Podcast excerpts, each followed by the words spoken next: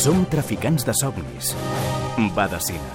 Un espai on encara es pot somiar.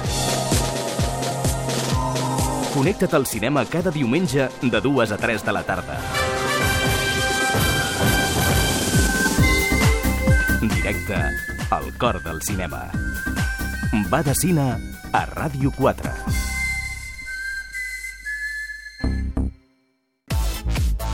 La programació de Ràdio 4 també a internet.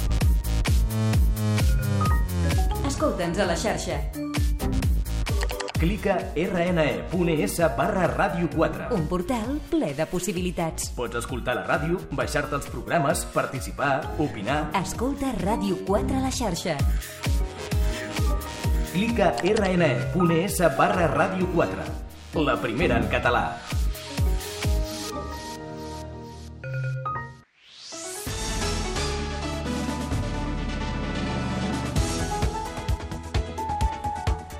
El matí a quatre bandes. Amb Víctor Llopart. 10 i 6 minuts, continuem a la tertúlia de joves, avui amb l'Àlvaro González, l'Antonio Alcalde, el Rodrigo Martínez, la Gemma Botines, l'Àlex López i s'incorpora, tot i que no sigui jove, però ho podria ser perquè ho és d'esperit, la Carme Sánchez. Què tal, Carme? Bon dia. Gràcies, Víctor, Des- t'estimo. després, després ja, ja, perquè ens portarà coses de- d'estimar, també, la Carme. Ja ho veurem després. Però ens havíem quedat a mitges amb la conversa que estàvem tenint abans sobre la reforma de la Constitució i també eh, m'agradaria parlar, encara que només sigui una, res, cinc minutets, sobre el projecte o l'esborrany de llei d'educació del ministre Bert, que ha aixecat moltes butllofes, que es diu, tant aquí com allà. Uh, M'havia demanat la paraula a l'Àlvaro, em sembla, abans de quan havia acabat d'intervenir l'Antonio. Àlvaro. Sí, però si, si sembla bé, jo puc parlar de la, de la, de Doncs la llei orgànica vinga. de millora de la qualitat eh, educativa. Re, bueno, s'està parlant molt aquests dies de, de l'atac que suposa aquí al català, que és, és evident, és, suposo que es fan amb aquest esperit colonitzador d'espanyolitzar que té el ministre, el ministre Bert. Jo dic que a casa meva parlo castellà i gallec i, i gràcies al model d'immersió lingüística m'he pogut integrar, perquè si no el que hagués passat és que s'hagués segregat la, la, la classe o de pàrvuls on, on ja vaig començar, els que parlaven castellà a casa s'haguessin anat per un cantó i els que parlaven català s'haguessin anat per, per un altre, per tant sóc un afèrrim defensor del, del model d'immersió lingüística i sent dels meus pares de fora. Jo crec que això, que això és important per la gent que han vingut aquí de fora. I després dic que tot i, tot, tot i l'atac al català també hi ha moltes coses darrere aquesta llei que, que igual no s'estan parlant tant per, per la brutalitat de l'atac que, a, la, a la nostra llengua, no? Però també jo crec que són coses de remarcada importància, com per exemple la mercantilització de l'educació, eh, el fer l'estudiant com, un, com el treball individual de la, individu- individualitzador de l'alumne, etc etc. Hi ha moltes coses darrere d'aquesta llei, és a dir, no és una llei de millora de la qualitat, sinó que és una llei orgànica en si ja mateix, jo podria dir, que s'estan amagant darrere el català, tot i que se li ha de donar la importància vital que té la, la llengua, eh, també. Com que sé que l'Antonio... Bé, bé, de fet ha parlat l'Àlvaro i l'Antonio ha fet un ui, ui, ui, ja ho veuràs. Uh, va, l'Àlex em demana la paraula primer. Sí. No, era per només remarcar una petita cosa. A veure, um, amb el tema del català, sí que és veritat que sembla un atac. Eh, és a sobre és un atac també a les competències que es van repartir entre l'estat central i les autonomies. Eh, és una cosa... El currículum, diguem-ne, de, la, de les assignatures de l'ESO i de la i de secundària no és competència només de l'estat central, sinó que és competència també de les autonomies. Um, a part del problema obvi aquí, Uh, jo crec que també no ens hem de, de fixar massa en això. Uh, el català, la gràcia que té és que és una llengua que és, que és viva, o sigui, no, no s'ha mort, no és que només es practiqui a l'escola, sinó que es practica cada dia. I l'exemple, en el, bueno, en el meu cas, és que jo fa dos anys i mig no parlava català. Uh, la, jo vaig vindre aquí als 18 anys per estudiar a, a la Universitat Pompeu Fabra, em vaig fer amics de gent que era catalana, em va agradar l'idioma i vaig començar a aprendre a parlar en català a l'idioma, jo no he passat pel model d'immersió lingüística de l'escola catalana. És a dir, no he après res de català a l'escola. Però sí que n'he après molt amb la gent que està aquí. I aquesta és la gràcia del català. Que independentment del que passi a l'escola, la resta de la societat l'ha de continuar fent servir. I poden haver-hi atacs contra l'escola, poden haver-hi atacs contra la universitat, contra els models d'ensenyament, però si la gent continua parlant en català, tot i que aquestes dues coses són molt importants, eh, el català seguirà viu. Amb dos anys i mig has après a parlar català així? Felicitats. Rodrigo. Bueno, mm, a veure, eh, jo crec que el català, eh, és cert, el parlarem, eh, si, si ho volem parlar. Eh, jo crec que, que no és tan important, a lo millor eh, a les escoles com, com, bueno, com, a, com, a, com el que és la família, els amics, que és després la, la, relacions, la relació que tens amb el, amb el català, la relació més privada. El que sí que te- tenim un problema és amb, amb la llei d'aquí d'immersió lingüística que, que ens han passat una mica una llei que, que, que permet que un, que, que un, eh, un inspector de la Generalitat pugui anar a un col·legi, revisar les llibretes i veure si alguna no està en català, tancar el col·legi. Eh, també hem de veure això. O sigui, jo, jo estic molt content de, de, la, de la meva escola, mm, feia classes en català, classes en castellà, parlava amb els meus companys en allò que mm, jo volia, no vaig tenir cap problema i jo vull això pels meus fills si visc a Catalunya. O sigui, jo vull que aprenguin el català, el castellà i ho puguin parlar, bueno, i l'anglès, i, el, i puguin parlar els tres idiomes eh, amb la mateixa facilitat. I vull una escola catalana trilingüe. Jo és, jo és el que vull. Eh, la immersió lingüística, la llei d'immersió lingüística, sembla que ha funcionat bé, però mm, no hem d'oblidar que també té el, eh, la, les seves, les seves, eh, bueno, les seves coses dolentes, no? O sigui, dir-ho. Antonio, Bé, jo crec que primer de tot el que cal dir és què és la llei que es proposa, no? perquè la llei no és una llei lingüística, és una llei de millora de la qualitat de- d'educació. No? Jo vull recordar que l'esborrany té 68 pàgines, de les quals només hi ha 4 punts sobre la qüestió de les llengües. No? Per tant, és una llei que va molt més enllà d'aquesta polèmica que hi ha hagut, sobretot a Catalunya, no? perquè ni a Occident ni a Galícia han hagut la polèmica que, que s'ha produint aquí. No? Per crec que primer de tot és una llei que va en el bon sentit perquè jo sí que estic a favor de que, de que el model educatiu miri al mercat laboral. No? Jo crec que fer un model educatiu d'esquenes al mercat laboral és un error no? i ho estem pagant ara mateix. Per tant, crec que és, i a més crec que és necessària una reforma educativa urgentment, perquè és que tenim una qualitat d'educació, i això demostren tots els informes, dolenta, no hi ha alguna cosa que va malament. No? Després jo crec que el tema de la llengua, és que jo crec que ni es vol atacar el català ni es vol anar en contra del català, l'únic que es vol és que, com a qualsevol país del món, la llengua de tots, la llengua de tot l'estat, també sigui vehicular a Catalunya. O sigui, som l'únic lloc del món on aquí a Catalunya el castellà no és llengua vehicular. Per tant, ningú vol treure el català, l'únic que volem és que com a qualsevol país del món, a tota Espanya sigui vehicular el castellà i a Catalunya també hi sigui el català. No? Jo crec que un model, proposar un model o voler una reforma on el català i el castellà siguin llengües vehiculars o les ciències estiguin en català i les socials estiguin en, en castellà, jo crec que no és anar contra el català. Jo crec que excloure el castellà no és fer un favor al català i que introduir el castellà no és anar contra el català, sinó tot el contrari. Jo crec que defensar un bilingüisme i si pot ser, com deia el Rodrigo, un trilingüisme, perquè el problema realment ja no és català-castellà, sinó l'anglès, jo crec que és anar a favor, no? A favor, per tant, jo crec que aquí s'ha de ser molt responsable i no dic el que, no, el que no es fa, no? Perquè en definitiva, el que està, està passant ara mateix a Catalunya és que amb la immersió lingüística es relega el castellà com una llengua estrangera i com una llengua de pati i de casa o del sàlvame. Jo crec que no, que el castellà ha d'estar reconegut també per l'administració pública catalana perquè també és una llengua que aquí també es parla castellà i segona, segonament a l'escola també, no? no pot ser que a TV3 el, el Xoni és l'únic que parla en castellà. Jo crec que no, que al final el castellà també és una llengua catalana i ser una llengua oficial d'administració i de l'escola, no? No ha de ser el castellà només... No, no, ja l'aprendran pel Sálvame, o com que al carrer es parla també castellà, doncs ja està. És que jo crec que no, que el castellà també ha d'estar reconegut com a qualsevol país del món. Vos- Vostès s'imaginen que a França no es pogués parlar francès a l'escola o que no es pogués, no es pogués fer assignatures en l'anglès a l'escola? Jo crec que, i a més tenim sentències com el, el Tribunal Constitucional que avalen no? que realment s'ha de reconèixer aquesta realitat. No? I a més és que és una llengua cooficial, que el català i castellà, i, i per últim, ja més enllà de postures nacionalistes, jo crec que tenir dues llengües és una riquesa que tenim a Catalunya, que realment sumem per tenir dues llengües. Jo és del que me'n sento més, més a favor, no? que privar els catalans doncs, del castellà que és un error, tant si ets independentista com si no és que al final sumem, no? sumem amb el català, sumem amb el castellà i realment, per últim, jo crec que hem de mirar molt més en l'anglès, no? que realment és on tenim el gran problema. Gemma. Bé, en el sentit que deies, jo crec que una de les grans virtuts que té el nostre sistema públic d'educació català és que s'ensenya les dues llengües molt bé i per igual. Si no, com, com s'explica que les millors notes de selectivitat catalana siguin millors en la llengua castellana que en la catalana? Vull dir, tu dius que s'està excloent el castellà, jo crec que tothom Home, entén, vehicular el parla castellà. perfectament el castellà. És llengua vehicular el castellà a Catalunya El català és llengua vehicular a i el Catalunya. castellà no ho és. El casta... el nivell de, de El castellà el nivell s'ensenya- del castellà és molt baix a tota Espanya, no? Selectivitat jo crec que és el nivell que tenim tots els alumnes és baix a tota Espanya, no? però també cal veure quina és la diferència entre l'examen de castellà o de català a la, a la, selectivitat Bueno. també, no? El que, el que està demostrat és que les competències lingüístiques en matèria de castellà la, al, al Principat de Catalunya són les més, són les més altes de tot l'Estat. I en referència a això jo crec que s'estan confonent dues coses. S'estan confonent el que és una frontera política amb el que és una frontera lingüística. Eh, la frontera lingüística aquí al, al Principat de Catalunya, als països catalans, el castellà ha estat una imposició lingüísticament parlant, perquè hi ha aquesta figura, una imposició lingüística. És a dir, per relacions amb el front de l'Estat, doncs està parlant castellà. Què passa? Que les llengües minoritàries, com és el català, se les ha de cuidar, perquè si no el que passa és que acaba desapareixent. Fabla, a Aragó, Aragó Bable, a Astúries, gallec, a Galícia... Tot i això, és que, és que a Galícia quasi bé ja no es parla gallec. Quasi bé ja no es parla jo vaig que gallec. estiu a Galícia i Jo crec que que es gallec, parla jo sóc gallec i quasi bé gallec. no es parla gallec. ja t'ho dic ara. I és això, i no, no, no es pot tractar d'això, es parla castellà, es parlarà castellà, és, és evident, perquè és una realitat, perquè hi ha, unes, hi ha uns nexes de, molt, molt grans amb, amb l'estat espanyol, però el català és la nostra llengua i, i l'hem de parlar i l'hem de cuidar com a tal. I és això, i, i s'ha de parlar en català a l'escola únicament perquè és un model de- de- d'integració, no, no és un model precisament de segregació. Tu deies de parlar les dues llengües per igual, és el que s'està fent ara.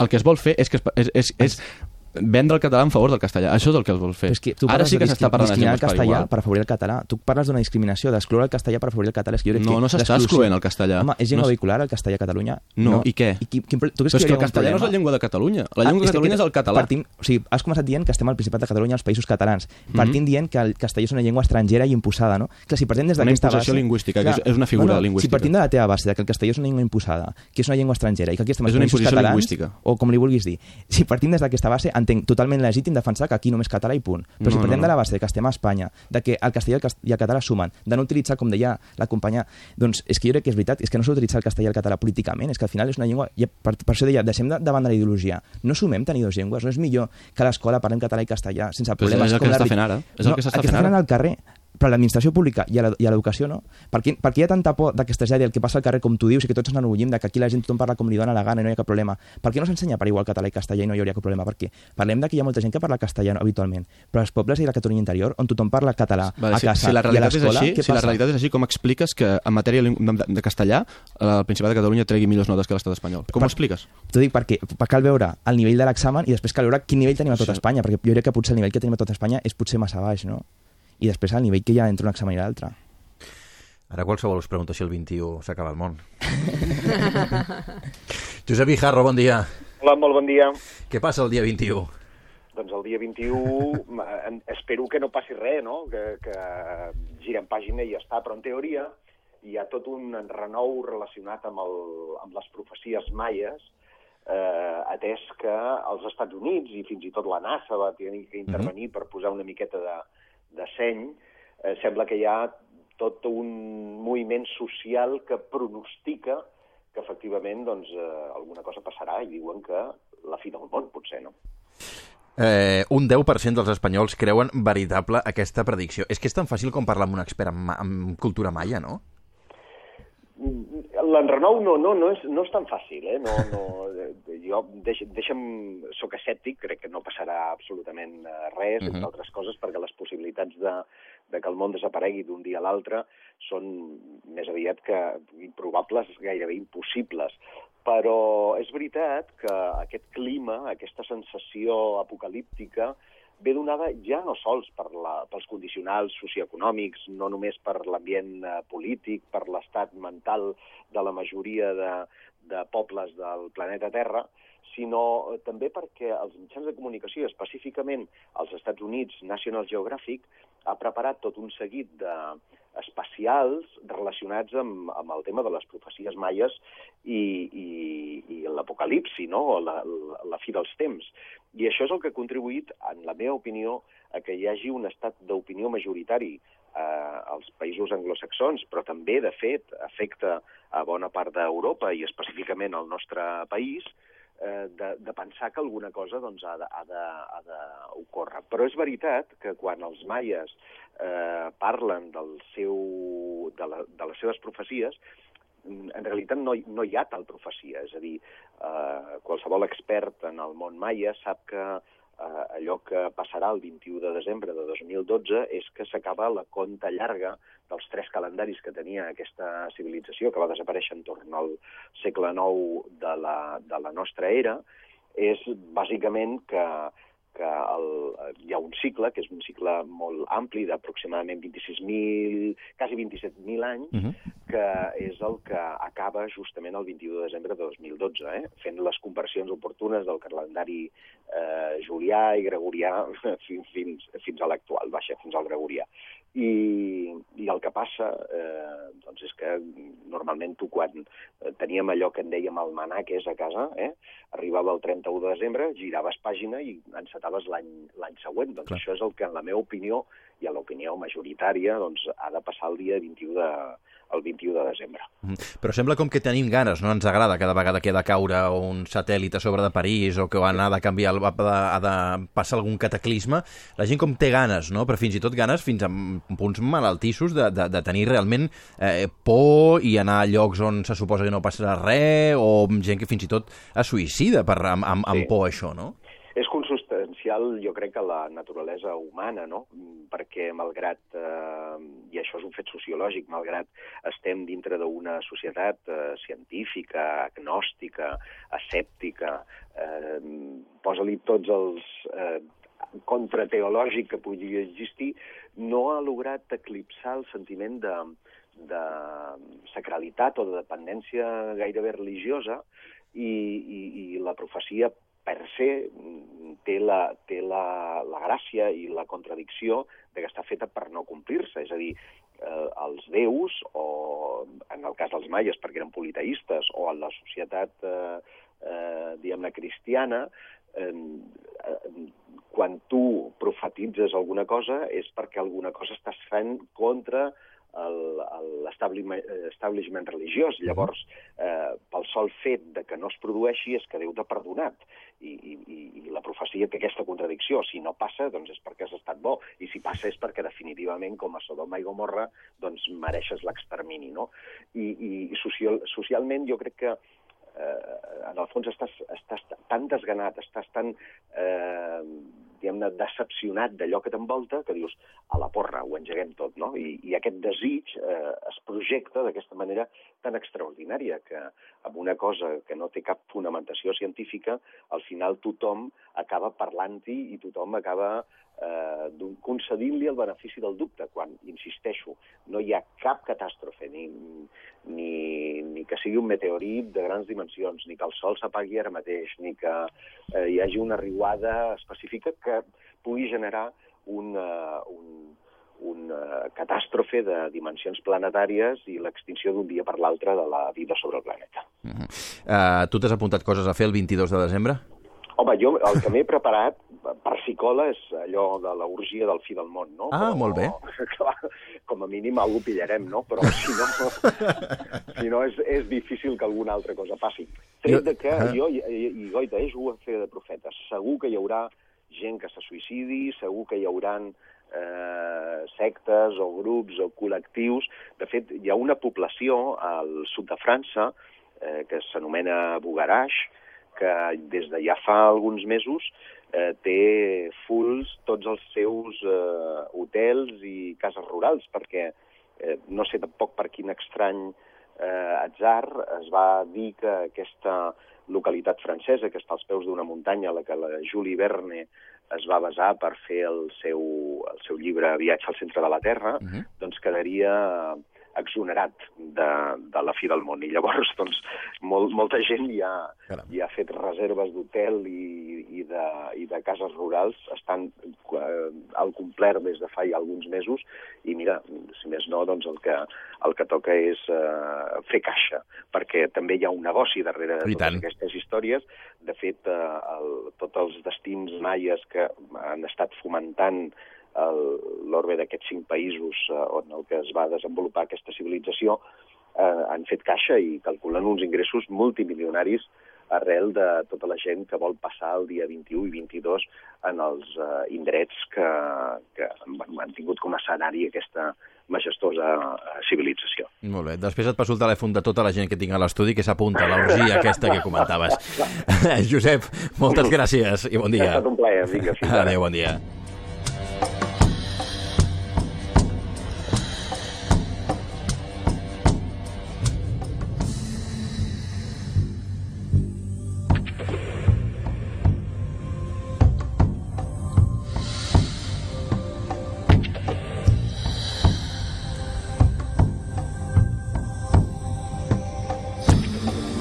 Si, juntem a la fi del món amb el que vindrà ara, és la música, és la música perfecta, no, Carme? Sí, sembla Tu has vist que aquí sí. com s'apuntaven tots a aquesta l'orgia? I tant. A veure, és que és ben bé, dius, què ens queda, no? Si, no que podem acabar de fer, no? Doncs uh, potser sí. Potser tots muntem una orgia. El problema és que després, si el món no s'acaba, i llavors, no sé. Sí? Sí, no? Que a vegades també de, depèn amb qui tu hagis fet, igual... Però això abans i després i, i durant, no? Potser? I tant, és broma, és broma. Va, Vosaltres sou crèduls o no amb aquestes coses de la fi del món i aquestes històries, les profecies? No sé si heu vist algun cop algun... O us heu comprat un llibre de Nostradamus i heu dit ai, ai, ai, ai. O amb l'11 de setembre que van començar a sortir eh, conspiracions. Álvaro, tu, què- tu què n'opines? Home, jo, jo no gaire, la veritat. No, però és, és curiós perquè és, és aquesta divergència de, del que deia realment la previsió maia amb el que s'ha fet bombo, no? amb el que s'ha fet ressò, però jo crec que és una mica com tot, no? Pues, la publicitat diu una cosa i, pues, hòstia, és Sant Valentín, ostres, pues anem a comprar tots, ostres, s'acaba la fi del món, pues, pues, és, és, el, és, el, és el mateix mecanisme. I jo crec que en això, que en els maies eren grans astrònoms, eren, eren grans matemàtics, i van i bueno, s'acaba el cicle el, el, el 21 de desembre perquè resulta ser que la Terra i el Sol s'alineen amb el que seria el centre geomètric de la galàxia bueno, i això hi ha hagut de donar peu a pensar a molta gent que igual s'acaba el món però bueno, jo la veritat és que no no, no comulgo gaire Rodrigo, tu què? Bueno, a mi m'agraden una mica aquestes coses, però, però no em preocupa. No, la veritat és que no... Quan sigui, serà. I no, no tinc cap problema. No, està bé. Sí, Sí, sí, sí. Gemma, tu què? Bé, jo sóc totalment escèptica i, i de fet veig com sembla que estiguem faltats d'emocions no? amb tot el que està passant per, per focalitzar-nos en temes així i personalment m'agrada més la teoria de tots el, bueno, que diuen que passarà el 12 del 12 del 2012 que s'alinearan tots els planetes de la galàxia i hi haurà un canvi de consciència que penso que això a alguns els aniria molt bé Antonio, tu què? Home, a mi totes aquestes coses m'agraden bastant. Jo crec que, en general, a la gent també jo crec que els hi passa, no? que hi ha un morbo d'aquestes coses, no? i més quan veiem que triomfan eh, sèries com The Walking Dead o coses així que van una mica en aquest sentit, jo crec que tot això suma, no? Jo crec que sí que ja, jo m'hi sumo al primer, no? Que hi ha aquesta curiositat col·lectiva, no? Que és, aquesta emoció potser, la falta d'emocions de dir, ostres, què, què pot passar, no? I, I en aquests futuribles, jo crec que tots, tots hi juguem ara. En el món real jo crec que prudència no crec que passi res i al final la fi del món pot estar a la- a l'esquina d'aquest carrer, no? per tant, a aquesta cantonada, per tant, s'ha d'aprofitar el dia a dia i jo crec que en qualsevol cas, si sapigués segur que demà s'acaba el món, jo el que faria és no pensar-hi no pensar-hi i continuar vivint normalment com deia el Rodrigo. I l'Àlex què faria? No sé, jo que no, no em preocupo per aquests temes, però em fascina molt la gent que, que ho pensa. Vull dir, és que semblen tan diferents. I les 5.000 persones que van... Això ho vaig dir a La Vanguardia o al, o al País, que a, a un microbiòleg de, de la NASA, un especialista, un astrobiòleg de no sé què, superguai, eh, té un blog oficial a la NASA i li van enviar com en 3 dies 5.000 preguntes de, escolta, s'acabarà el món? I el tio va fer un post amb les preguntes més comuns dient no, no hi ha ni cap indici. No. S'ha parlat fins i tot d'un- país que es diu Nibiru. Eh, És un, és un planeta. és Un planeta, exacte, perdona, un país, ha dit, un planeta fictici, que diu que algunes teories apocalíptiques apunten a que eh, xocarà amb la Terra. Bé, molt bé. Vale. Doncs que xoqui, no? Sí, ja veurem què fem. Mira. no, jo tinc exàmens al gener em venjaré Bé, aquest em podríem adelantar una, una mica, que els, a la Pompeu ja estem d'exàmens. Sí? i- sí. Val, va, jo crec que no, eh? però bueno, en fi, que de, de, de, de somnis també es viu. Uh, Carme, els tens aquí. Sí. Uh, avui de què ens parlaràs, aviam? Doncs avui portem un parell de temes. Un parell, un va. parell. Però pels joves aquests, eh, què en penseu d'aquelles amistats sobre, diríem que amb, doncs, amb dret o que doncs, amb dret a frec? És a dir, és, es poden tenir? M'encanta com està utilitzant els eufemismes com intenten no dir la paraula, que jo no diré tampoc, eh? Clar, però és que l'altre dia em veu renyar. Llavors... a veure, sobre, va, la dic, la dic, va, assumeixo. Aviam. Sobre les folla amistats, els folla amics. És a dir, es pot ser, eh, tenir una amistat i a més a més tenir relacions sexuals? Es pot pactar aquesta... Sense que hi hagi res més. sense que hi hagi res Una més? implicació sentimental... ni- Ah, lo, això, què us sembla? Va, qui s'apunta? El Rodrigo. Va, jo primer. Vinga, va, avui, avui em toca a mi. Eh, jo no crec. Jo no crec perquè crec que, que a més de cos eh, som emocions i, i tot no ho podem tenir controlat. Mm, Llavors, eh, jo no crec. A més a més, crec que les millors relacions sexuals les, les tindràs amb una persona de confiança amb la que puguis compartir tot. Mhm. tot. O sigui, tot física i emocionalment. I amb un fill amic, doncs, home, sempre et, que, sempre et quedarà la, la manca de confiança, no? Però confiança què vols dir? Home, de... de El que és que, de totes maneres, a vegades passa, no? Vull dir, tens una amistat, no? Sou molt, molt amics, molt amigues, vull dir que vull dir, pa- parlem d'heteros com homos, eh? és igual, eh? I de cop i volta, doncs, un dia passa, no? Vull dir que un, doncs, a l'altre li proposa tenir relacions sexuals, val? Traspassar aquesta barrera? Què us sembla? La noia Gemma. que tenim. Jo crec que seria ideal, no? Vull dir, tu tens un amic, no tens parella i, home, és un tracte a favor, no? Doncs ens cobrim aquesta necessitat i, i seguim sent amics, vull dir, tenim tot. És ideal, però per, no, jo crec que al llarg de la història mai s'ha pogut aconseguir això. Bueno, potser sí que ara estic pensant en alguna gent que ho ha aconseguit, però... I les vegades... No, no, i de fet, Sempre tenim, tenim un amic, sempre. Ah, està bé, a està les bé. situacions que ha passat, normalment ha sigut en una nit de farra entre cometes, no? que el dia següent és com, ostres, què hem fet si tu ets el meu amic? Potser t'estàs... Clar, què passa al després? Vull dir, si passa, el després com és, no? Però i si es pacta? Però clar, que- això no és, és com que un conveni la idea. col·lectiu, vull dir, això. A veure, Álvaro. Jo, jo crec que mai, mai sabràs si... Mira el Rodrigo, si un se'ls de- llença, tu. dos... no, però si un dels dos no, no se sent còmode, no? O sigui, probablement, probablement eh, et trobes amb una parella, doncs potser és una persona insegura i, i no et diu, no, escolta, és que, és que jo estic enamorat de tu, no?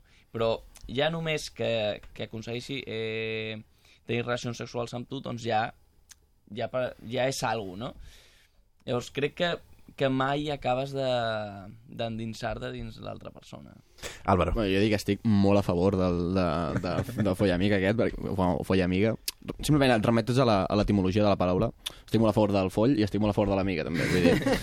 Eh, i, de, I després dir que és evident que el, el primer que s'ha de fer és pactar les coses, perquè si no seria una falta de respecte. És a dir, tu has d'anar de cara, per, per, per, això ets, per això tens l'amistat, per parlar les coses, tenir confiança, i, el, i quan es comença a fer les coses malament és quan tu ja no ho parles, quan tu ja no, ja no estàs en el mateix punt que l'altra persona en la relació, i aleshores que això s'acabaria sent una falta de respecte i això sí que estic molt, molt en contra. És a dir, si ets foll amic o foll amiga, ha de ser consentit per les dues bandes i sabent el que hi ha. Antonio. Bé, jo crec que ideal és, no? Ara, possible és més difícil. Jo crec que possible també, però més difícil no perquè dèiem precisament el Rodrigo, no? i jo crec que tots coincidim una mica, no? que normalment acostuma a haver una implicació sentimental, no? almenys per una de les bandes, no? perquè si, normalment, no? ara, que es, pu que es pugui pactar i arribar a un acord i seria, jo crec que seria ideal, no?, per dir-ho així. Passa que sí sí que és veritat, no?, perquè és molt difícil que una de les dues persones doncs, no tinguin una implicació sentimental i tal, no? Per, jo crec que la via d'escape no? en, aquest, en, aquest, en aquest termini intermig és el que deia també la nostra companya, no? Jo crec que la típica nit de farra que acabes tenint, per, com es diu col·loquialment, un desliz, no? I passa el que passa i després potser ja no, no ens en recordem, no? Jo crec que és potser el, el terme intermig, no? perquè potser pactar una cosa si es va de cara, òbviament, no? que és el que s'ha de fer, doncs potser és una mica difícil també per, per la mentalitat que tenim, no? en, en cert sentit, no? Però si en una societat o en, amb gent molt oberta i tal, jo crec que no, no, no hi hauria d'haver cap problema. I ara falta l'Àlex. Què dius, Àlex? Uh, bueno, jo coincideixo una mica amb tothom. A veure, és un tema complicat. Pot passar? Sí, sí. De fet, passa. Passa de vegades, però, clar, el problema que tens és que també, com que passa entre amics, i moltes vegades passa entre amics i entre amics, doncs, sorteixen relacions dites o no dites, eh, o sentiments dits o no dits, eh, és el problema que tens quan ets un amic. O sigui, si tens amic i a sobre es folles, doncs estàs un, un, ami- un pas endavant de continuar a ser, o aparèixer com a parella. I ja tothom et qualificarà com a parella o li buscarà un nom i, ai, és que estic molt agobiat, per què, em diuen, per què ens diuen nòvios? És que no, no, no ho sé. Què vols que digui? És, que és complicat. És a dir, és complicat tenir, com quedes amb un amic per fer un cafè, doncs quedes amb un amic per tenir una relació sexual i ja està. I quan s'ha acabat, s'ha acabat. És complicat. És complicat. Carme, què? Com ho veus? No, no, i a veure, jo fins i tot els hi demanava, no?, perquè quan busques en, en foros i parles amb, amb persones, no?, hi ha, hi ha, curiosament, hi ha, n'hi ha que, que pensen que sí, vull dir que és possible, perquè suposo que ho porten endavant i, per tant, doncs, arriben uns acords previs, i, en canvi, altres persones que pensen que hi han implicats doncs, masses emocions, potser, a vegades per una part, però a vegades per, per les dues també, el que passa és que també és veritat que es trenca com una barrera, no? en el moment en què hi ha alguna cosa més, i, i moltes persones no arriben a trencar aquesta barrera perquè tenen por després de, de no continuar sent amics o no tenir l'amistat, no? Vull dir que és, és complicat, però, però és això, no? El que passa és que sí que existeix aquesta figura i que a vegades doncs, les persones que, que diuen que, que justament diuen que sí, que sí que existeix, eh, el, que, el que es posen és que, a veure, vull dir que igual, que no tant que te'n vas a prendre un cafè, però, a veure, doncs, si cap dels dos té parella, doncs és una manera també doncs, de, mira, doncs, de passar l'estona i de,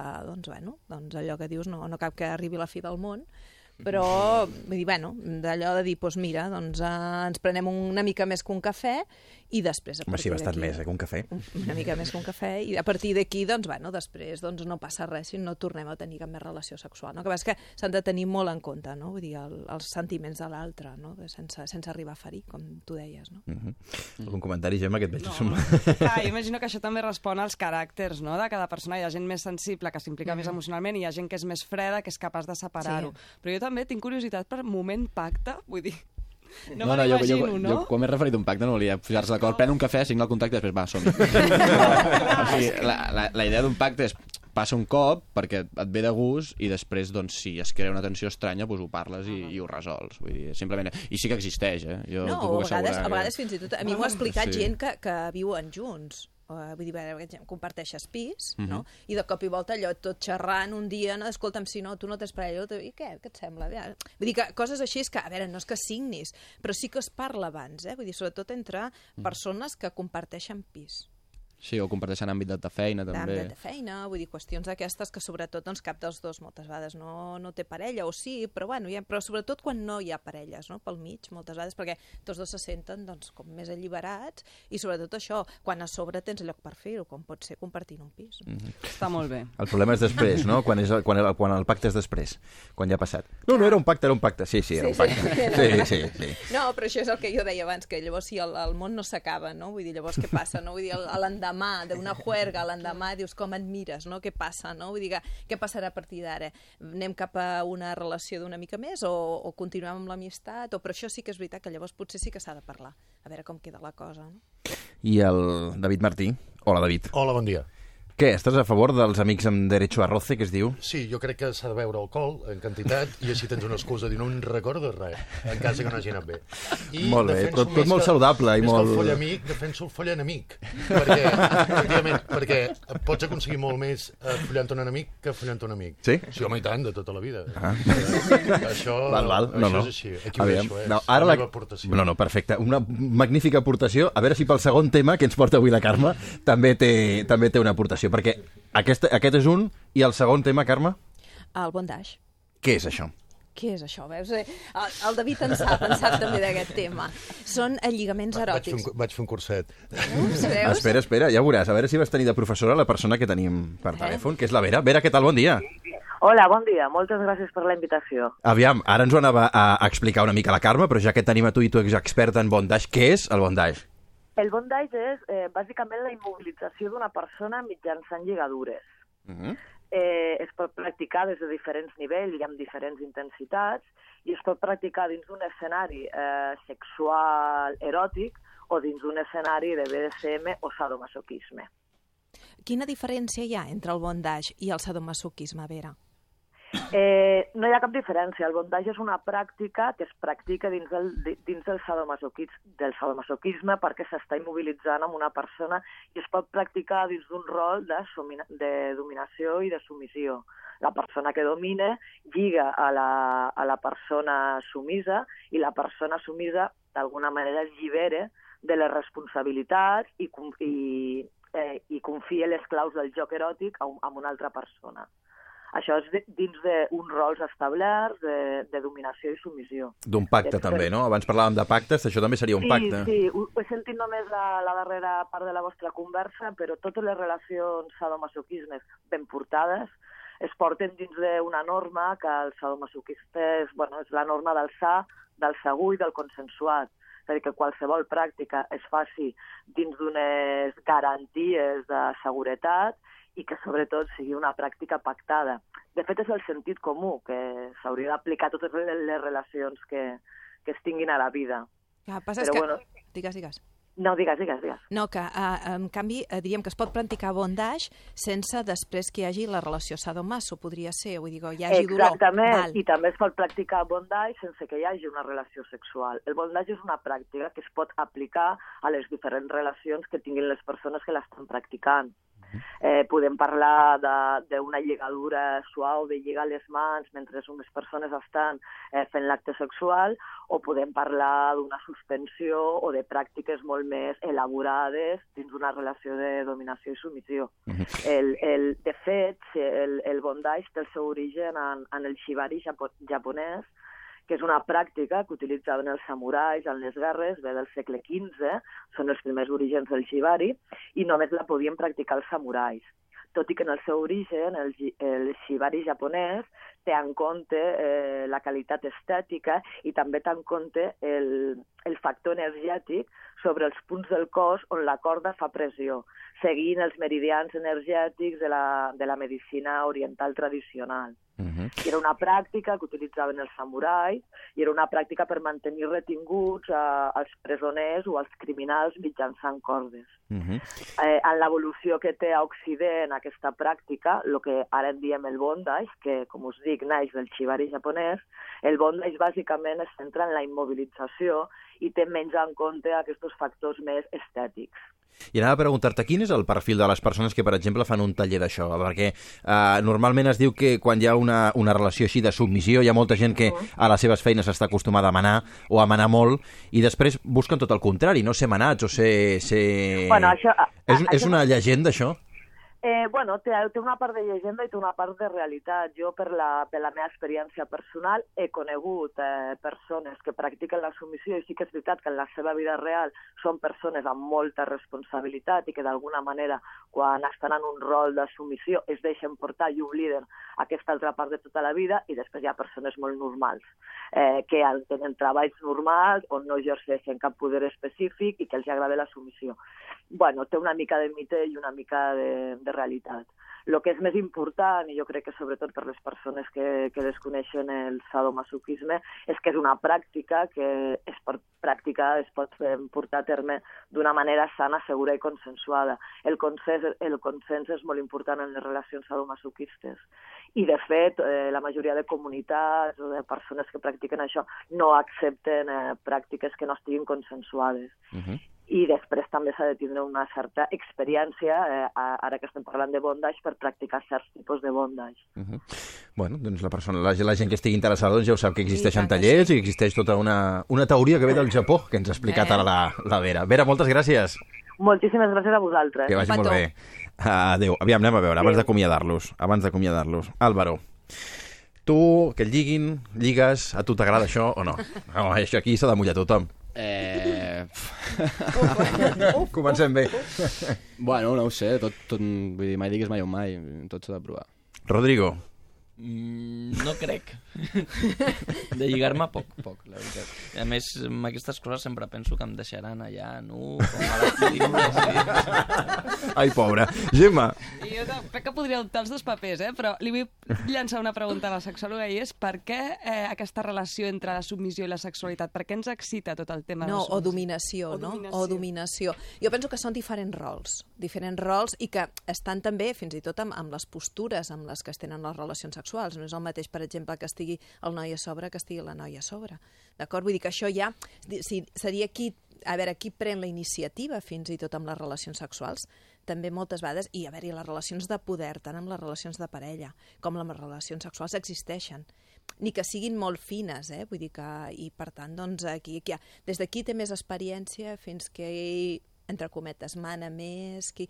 Per tant, això seria una cosa més sofisticada, no? Vull dir, un esglau més sofisticat, però generalment existeix aquesta relació de poder. Antonio. Jo crec que és el, el que deies tu, no? que sempre en el sexe també hi ha una relació una mica de submissió de, o de domini, no? Però bueno, jo crec que per trencar la rutina, no sé, s'ha d'estudiar bé no? i veure com, de què va tot això, no? Però bueno, per trencar la rutina jo crec que és una bona opció també, no? Per què no? Àlex. Jo no tinc ni idea si m'agradaria o no, però... Escolta, mira... Una és una, és una cosa Una possibilitat. Més. En fi, els hem, avui els hem, els Sí, hem fet sí. un tercer grau important, eh? Sí, Sí, sí, mal sí, que avui, est- com no estaven de pont i han vingut, doncs mira, No, està bé. A l'Àlvaro, l'Antonio, el Rodrigo, la Gemma i l'Àlex, moltes gràcies als cinc i fins la propera. Carme, tu et quedes? I tant. Doncs vinga.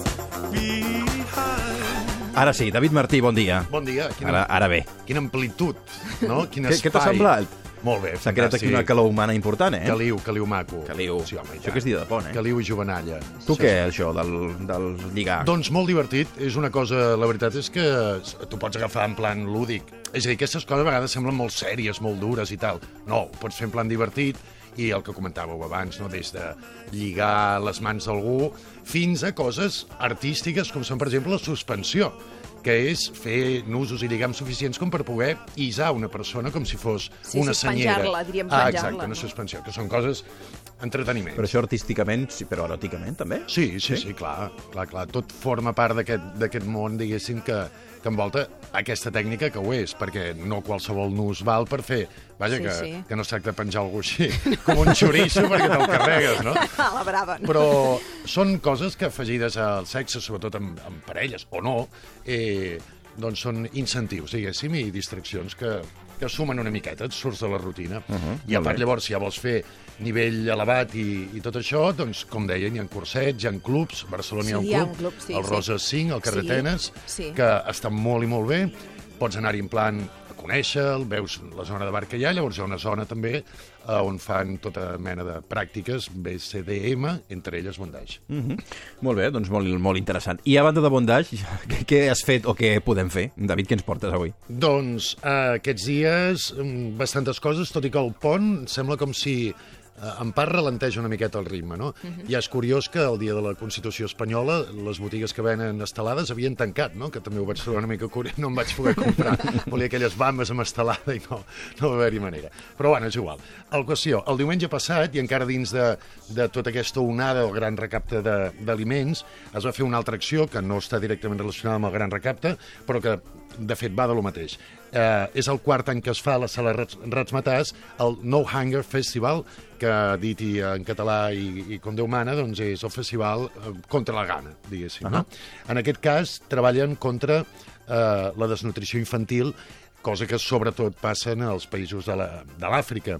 I, i Ratsmatats, doncs, per quart any dona el total de la recaptació d'aquest dia, que va estar molt i molt bé, aquest diumenge, i, eh, a més, compta la col·laboració d'artistes que venen també eh, gratuïtament per tal doncs, eh, que hi hagi prou gent, com així va ser. Uh -huh. Pinkertones, que a mi m'agraden molt, un grup de, de la Terra, amb la col·laboració de l'Albert Pla, eh, les bandes Clàudia Cuchillo, Mujeres, Susana Enrique. Molt bé, gràcies Marta, bon cap de setmana. Bon cap de setmana. David, com ho acabem? Doncs amb, amb un establiment que celebra 50 anys, que dius, ja són anys, eh? I és el Cinema Aribau, que el, avui divendres dia 7 fa just 50 anys que va obrir, i sabeu en quina pel·lícula va ser la primera que va projectar? Ah, jo la sé, jo la sé. Home, eh, m'heu de dir no, no ho sé, doncs no, ja t'ho dic jo. vaja, no West, ho sé. West Side Veus? Story. West Side Story. Uh, la van fer en versió original i així serà avui mateix, 50 anys després, com celebraran aquest, uh, aquest aniversari tan, tan important. Una sala que ja sabeu que part de les multicines, la d'Aribau la, la d'Aribau original és una de les poques que queda encara que no són multisales, que és una sala per multigent. Sí. 1.100 i pico butaques, vull dir que és d'aquestes que encara és allò al cine a lo grande, no? O sigui que felicitats per ells. I tant. Per haver mantingut tot i aquests alts i baixos, ja sabeu el cinema com ho ha passat també els últims anys, i, i celebrar amb aquest West Side Story, que és una gran pel·lícula en format original de nou en el Cines Aribau. Molt bé, i ara què? Ja mires com neva, perquè tu... Jo me'n vaig. A esquiar vas, eh? Jo cap amunt, sí. A diumenge, eh? Quan, quan baixin els altres, jo tiro Tu cap, cap amunt. Ja farem una connexió en directe des de, des de Baqueira, des del Moen Bar, on si no, no? I tant, el que Bar, el sent Moet Bar. tu no podia ser un altre clar, lloc. Clar. Tot i que m'han dit que han renovat alguns altres restaurants a, a l'estació, o sigui que anirem a investigar. Molt bé. I farem una mini crònica de, Mini, mini, des, mini de, des crònica. de pistes, a pie de pistes. Molt bé, molt David, que vagi molt bé. Gràcies. Fins la setmana que ve, no l'altra. O sí, o potser parlarem Sí, una estoneta. una hora i adéu. Carme, tu sí, no? I tant que Fins sí. la setmana que ve. Sí, sí. Que acabin de passar un bon divendres i un bon cap de setmana. Nosaltres tornem dilluns a partir de les 8 aquí al matí a 4 bandes a Ràdio 4. Adéu. o d'algun director o directora que fa un porno una miqueta més argumental o amb una mica més d'algú, però en aquí és, és trash, jo diria, no? Ja és un pas més enllà i llavors són coses que barregen eh, el cinema, jo diria, pràcticament de còmic amb, eh, amb el porno, no? Llavors, hi han coses que t'arrenquen un somriure, d'altres que poder esborronen, però vaja, eh, la veritat és que la mescla és molt curiosa i, i és una iniciativa que és molt campatxana i que, a més, al ser entrada gratuïta, bé, demanen que prenguis una copeta, però això sempre ve bé, eh, doncs la veritat és que també serveix per donar a conèixer altres maneres de fer, de fer cinema porno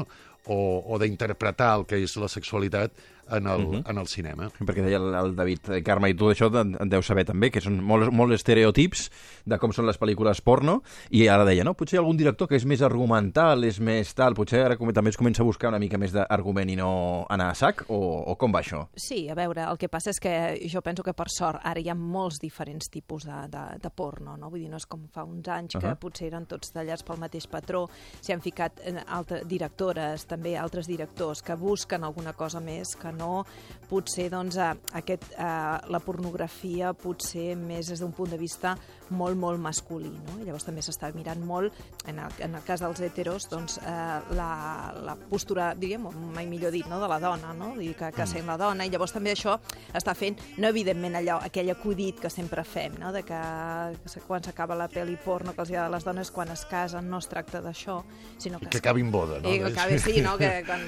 sinó que potser doncs, des d'un altre punt de vista diferent. no? sí, I sí. per tant sí que això ha eixamplat una mica més, però que, bueno, al cap i a la fi, sexualitat en tenim tots i més o menys de tothom sap què, què, què va veure no? quan va veure una, una pel·li porno, perquè si no llavors ja no seria porno, llavors seria allò més eròtica o... No, I a part ara el porno s'ha democratitzat molt, diguéssim, Sí. igual que tots els mitjans de comunicació Sí. han saltat a xarxes socials. Clar. N'hi han específiques de Sí. vídeos, etc que la gent fa les seves pel·lícules a casa, uh sol o en companyia, i ho comparteix. El per què no ho entenc ni m'importa, però està molt Sí. bé perquè entres, és gratis i, i també t'entretens el minut i 40 que et fa falta, vull dir que està molt bé.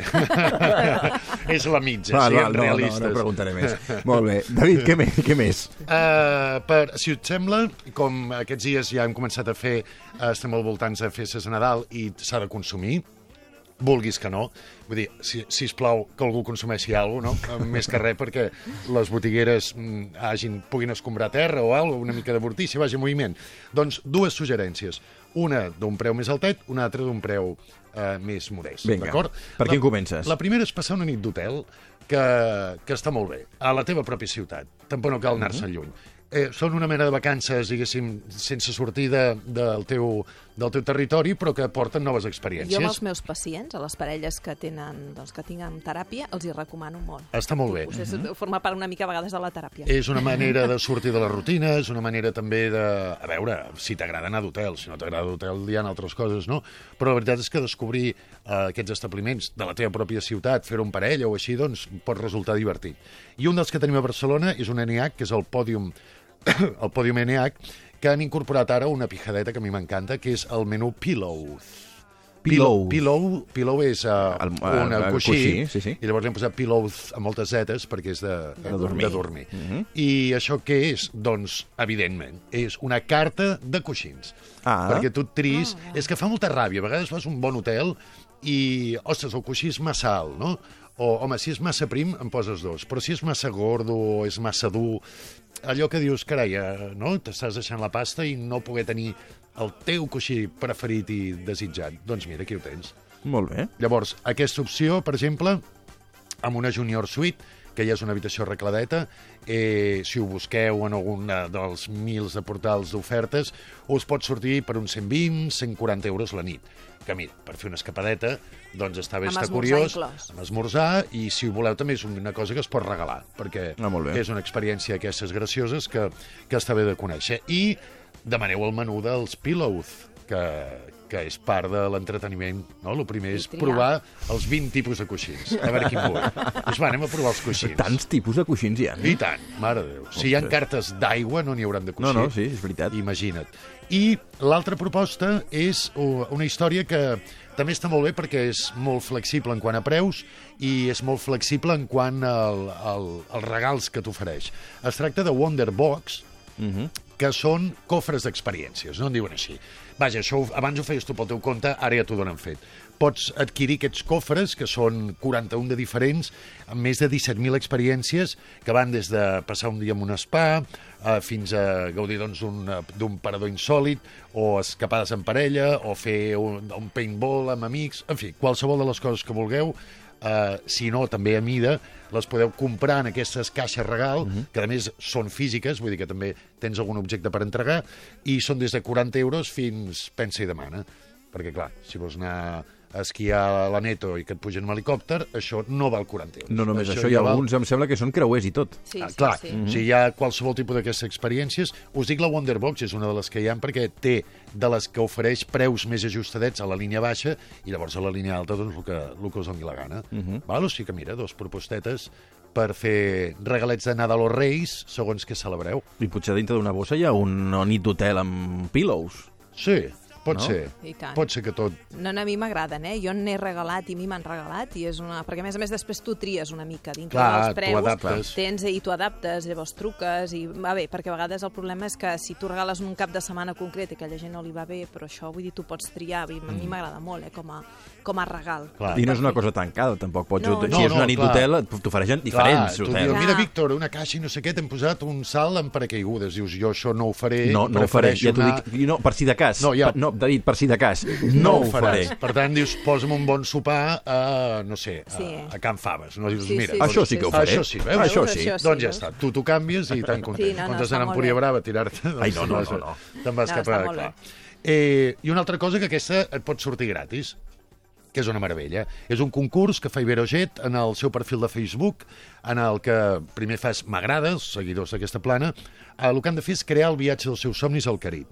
Eh, es tracta d'entrar en aquesta plana de Facebook d'Iberojet i hi ha una aplicació on pots triar dos destins del Carib, Ribera Maya o Punta Cana. Eh? El nombre me sabe a regalo de bodas. I seleccionar eh, com seria el teu viatge ideal. Pots triar l'hotel, les excursions, les rutes que faries, etc. I llavors, doncs, entre tota la gent que participa, es triarà el viatge ideal, diguéssim, doncs, més, més acurat i més treballat, i et pots endur just el viatge que tu dissenyis. Ah, que xulo. Ojo al dato, que això ja temps fins al dia 10, i avui som dia 6, 7. Set. Doncs Set. mira, avui i 3 ja dies tenim més. per entretenir-nos aquest cap de O setmana. sigui que agafeu el Facebook, entreu, ni que sigui per provar-ho. Vull dir, aquest, aquest, si us toca, us surt mm, by the face. Vull dir que fantàstic. Molt bé, no? Eh, Xulo, xulíssim. Molt bé. Sí. Queden 3 minutets i ja està la Marta Soler aquí. Guarda't la última, David, perquè et preguntaré a veure què, I què més fer. que sí. I perquè nosaltres eh, marxem de cap de setmana, però tornem dilluns. I amb què? Amb la tertúlia d'actualitat, amb l'Àlex Salmon i la Milagros Pérez Oliva, la dels ports, amb Jordi Pina i Gonzalo Bernardos. Després portarem què està fent l'administració pública eh, per eh, prendre mesures contra els desnonaments. Algunes s'estan mobilitzant, és el cas dels ajuntaments de Barcelona i Tarragona, que han començat a parlar amb els bancs que estan executant accions eh, i dient-los que no eh, tindran els diners amb ells. Veurem què hi ha de nou, tindrem també a l'Ada Colau per valorar-ho. És prou? No és prou? En parlarem. Oi que la millor manera de conèixer algú és viatjar amb ell? Sí. Doncs viatjarem amb Ventura Pons, que ha publicat 54 dies i escaig. També parlarem amb Greenpeace, que ha aconseguit que Inditex faci canvis a la fabricació de la seva roba, en les matèries tòxiques eh, dels tints, i després acabarem amb l'Enric Company. Molt bé. Gràcies, Marta. Bon cap de Bon setmana. cap de setmana. David, com ho acabem? Doncs amb, amb un establiment que celebra 50 anys, que dius, ja són anys, eh? I és el Cinema Aribau, que el, avui divendres dia 7 fa just 50 anys que va obrir i sabeu en quina pel·lícula va ser la primera que va projectar? Ah, jo la sé, jo la sé. Home, eh, m'heu de dir no, no ho sé, doncs ja no, t'ho dic jo. vaja, no West, ho sé. West Side Veus? Story. West Side Story. Uh, la van fer en versió original i així serà avui mateix, 50 anys després, com celebraran aquest, uh, aquest aniversari tan, tan important. Una sala que ja sabeu que a part de les multicines, la d'Aribau la, la d'Aribau original és una de les poques que queda encara que no són multisales, que és una sala per multigent. Sí. Mil cent i pico butaques, vull dir que és d'aquestes que encara és allò al cine a lo grande, no? O sigui que felicitats per ells I tant. per haver mantingut tot i aquests alts i baixos, ja sabeu el cinema com ho ha passat també els últims anys, i, i celebrar amb aquest West Side Story, que és una gran pel·lícula en format original de nou en el Cine Saribau. Molt bé, i ara què? Ja mires com neva, perquè tu... Jo me'n vaig. A esquiar vas, eh? Jo cap amunt, sí. A diumenge, eh? Quan, quan baixin els altres, jo tiro Tu cap, a, cap amunt. Ja farem una connexió en directe des de, des de Baqueira, des del Moen Bar, on si no, no? Home, i tant, el Moen Bar, el sent Moen Bar. tu no podia ser un altre clar, lloc. Clar. Tot i que m'han dit que han renovat alguns altres restaurants a, a l'estació, o sigui que anirem a investigar. Molt bé. I farem una mini crònica de, Mini, mini, des, mini de, des crònica. de pistes, a pie de pistes. Molt bé, molt David, que vagi molt bé. Gràcies. Fins la setmana que ve, no l'altra. O sí, o potser parlarem Sí, una estoneta. una hora i adéu. Carme, tu sí, no? I tant que Fins sí. la setmana que ve. Sí, sí. Que acabin de passar un bon divendres i un bon cap de setmana. Nosaltres tornem dilluns a partir de les 8 aquí al matí a 4 bandes a Ràdio 4. Adéu.